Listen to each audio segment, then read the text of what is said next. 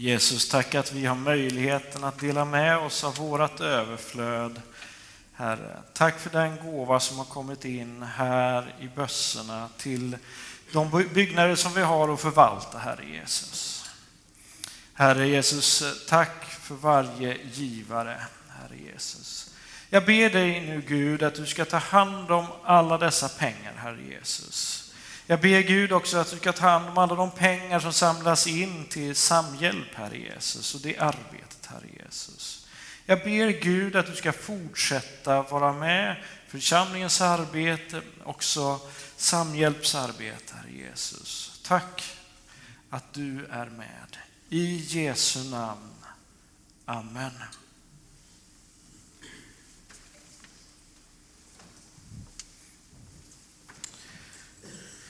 Jag ska fortsätta predika ifrån Uppenbarelseboken eh, som jag började med förra igår.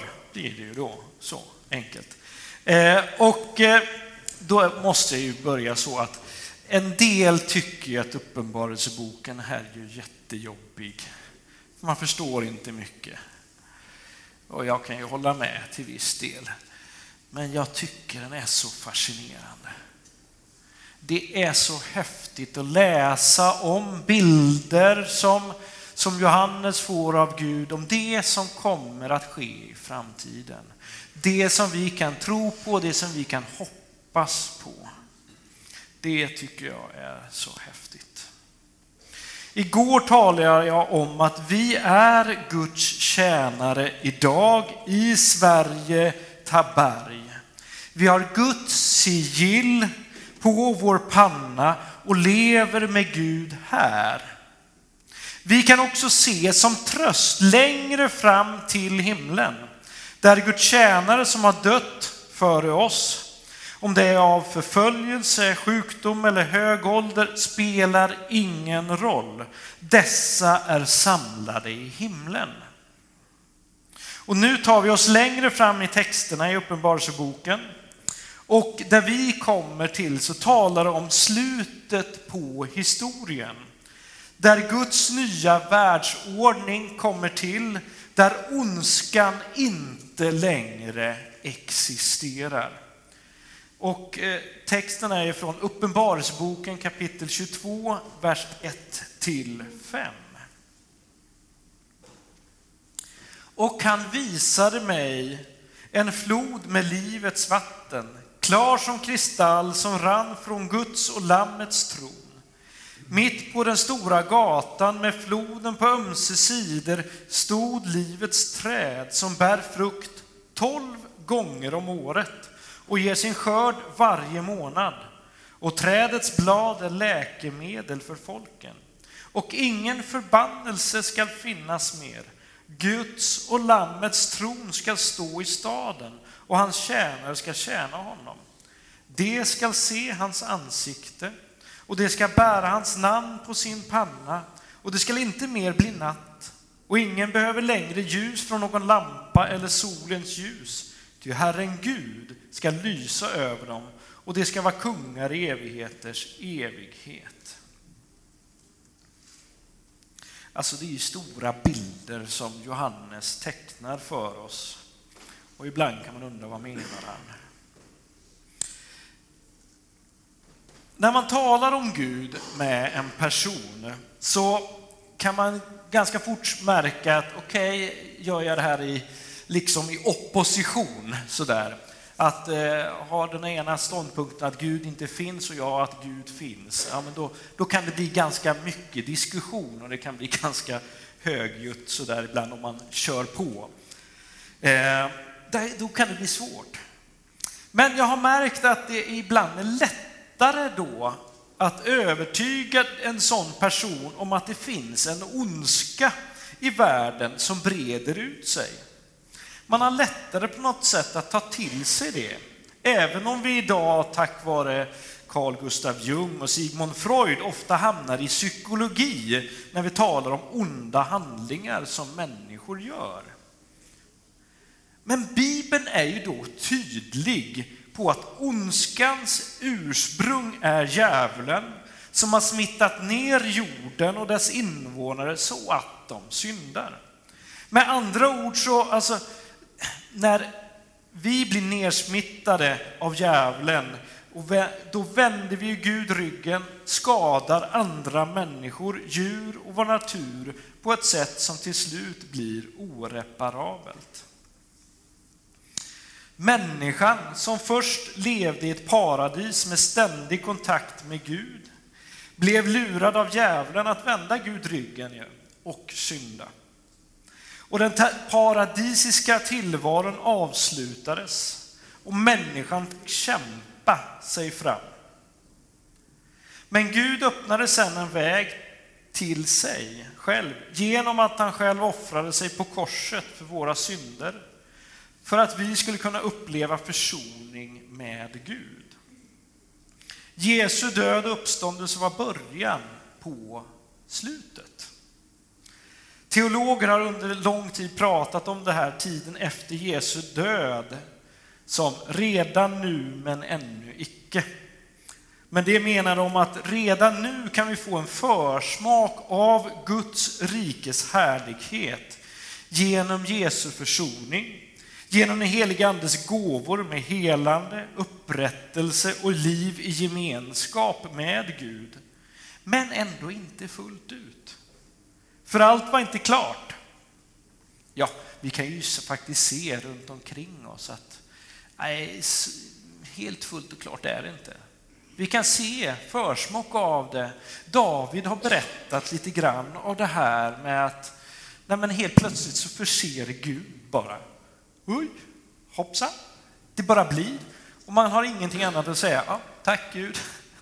Och sen gå vidare. Men det är som det är droppar lite här, lite där, lite där.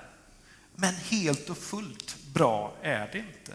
Men vi ser en försmak av det. Och det är då vi kan använda Uppenbarelseboken för att se lite längre fram. För att se hur det kommer att bli när allting är.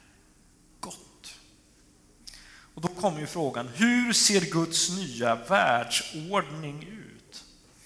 Och då får vi, som jag sa igår, då, titta ur ett fågelperspektiv på de texter som vi har i Uppenbarelseboken.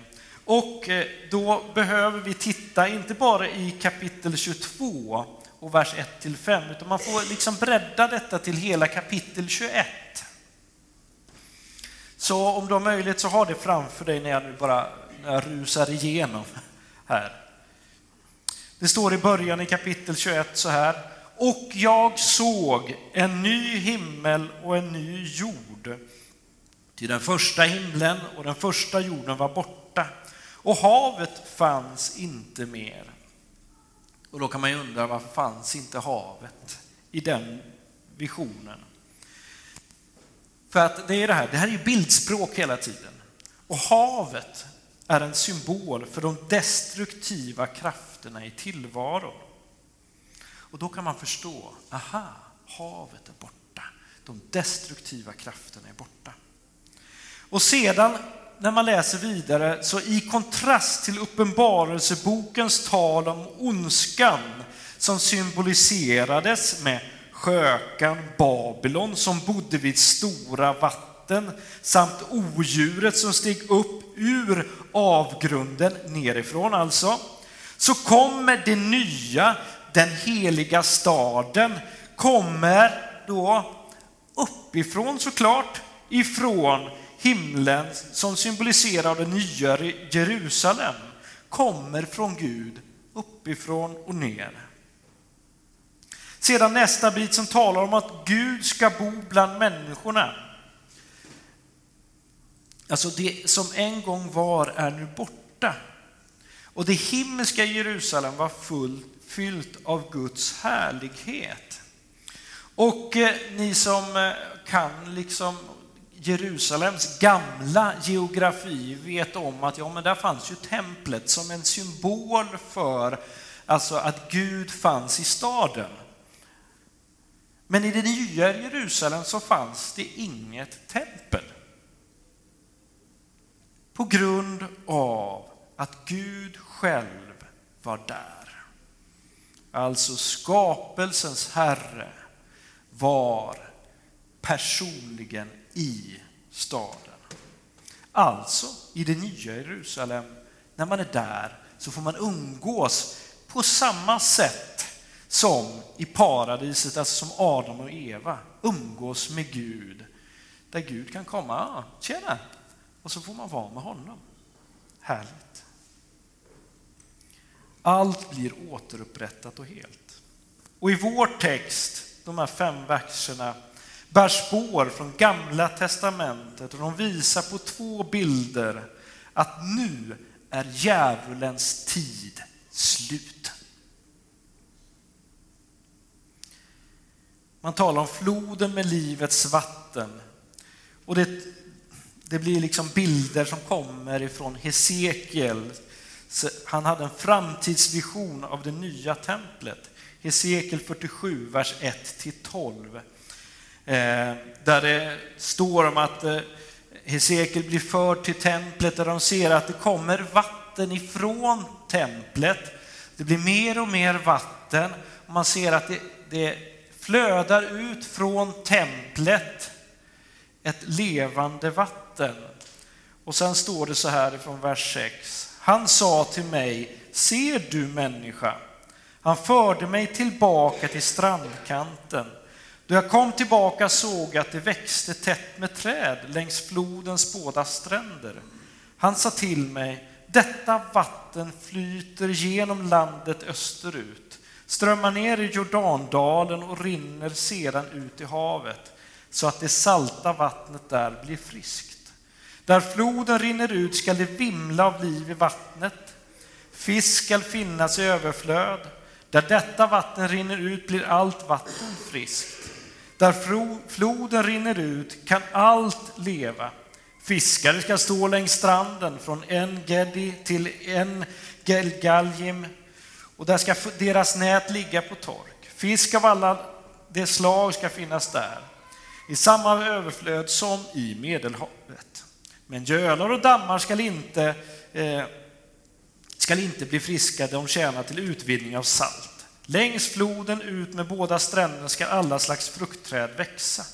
Deras blad skall inte vissna och deras frukt aldrig ta slut. Varje månad bär de ny frukt, de får sitt vatten från helgedomen. Deras frukt skall ge föda och deras blad läkedom. Alltså, vattenströmmen med liv går från templet ner till havet och längs dess stränder börjar det växa och när det levande vattnet når havet som är salt, och nu ska du tänka på Döda havet. Döda havet är dött för att det är för salt.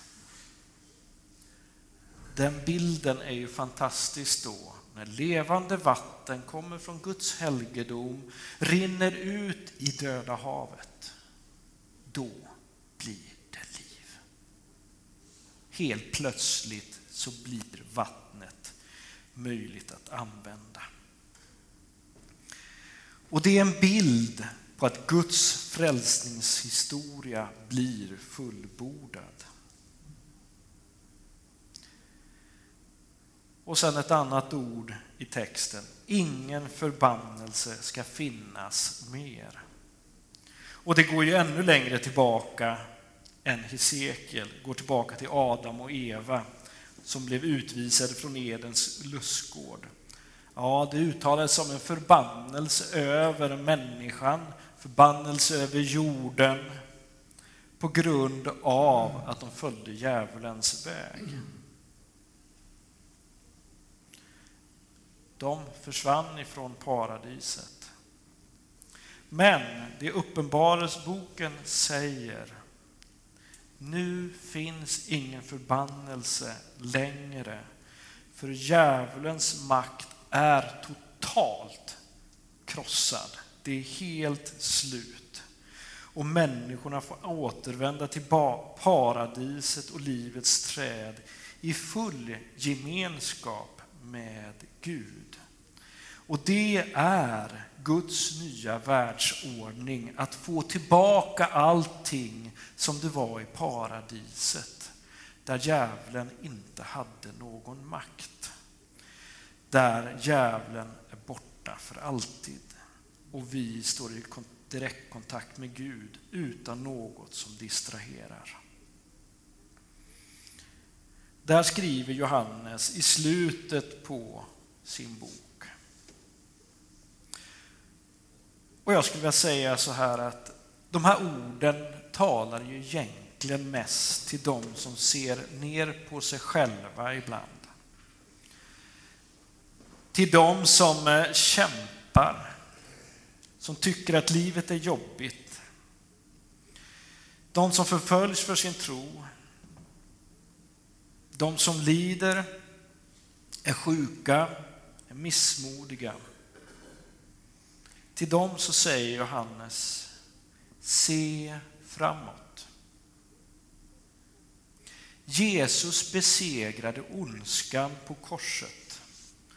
Och där framme någonstans är ondskan helt borta och du får vara med Gud det man nu säger IRL, in real life. Men just nu ser vi allt som i en gåtfull spegelbild. Men sen så ska det vara helt klart. Och därför så får vi säga, Herre Jesus Kristus, låt det här ske snart. För du ser hur jorden är på väg att gå sönder på grund av hur vi använder den. Du ser hur människor lider av förföljelse. Du ser hur människor lider av hur andra människor beter sig emot dem. Du ser hur människor lider av sjukdom, Herre Jesus.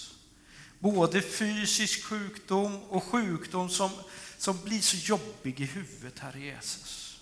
Gud, kom, Herre Jesus, kom. Kom och berör oss just nu. Men tack att där i framtiden så är all ondska slut. Och vi får vara med dig i evighet, i det eviga Jerusalem. Amen.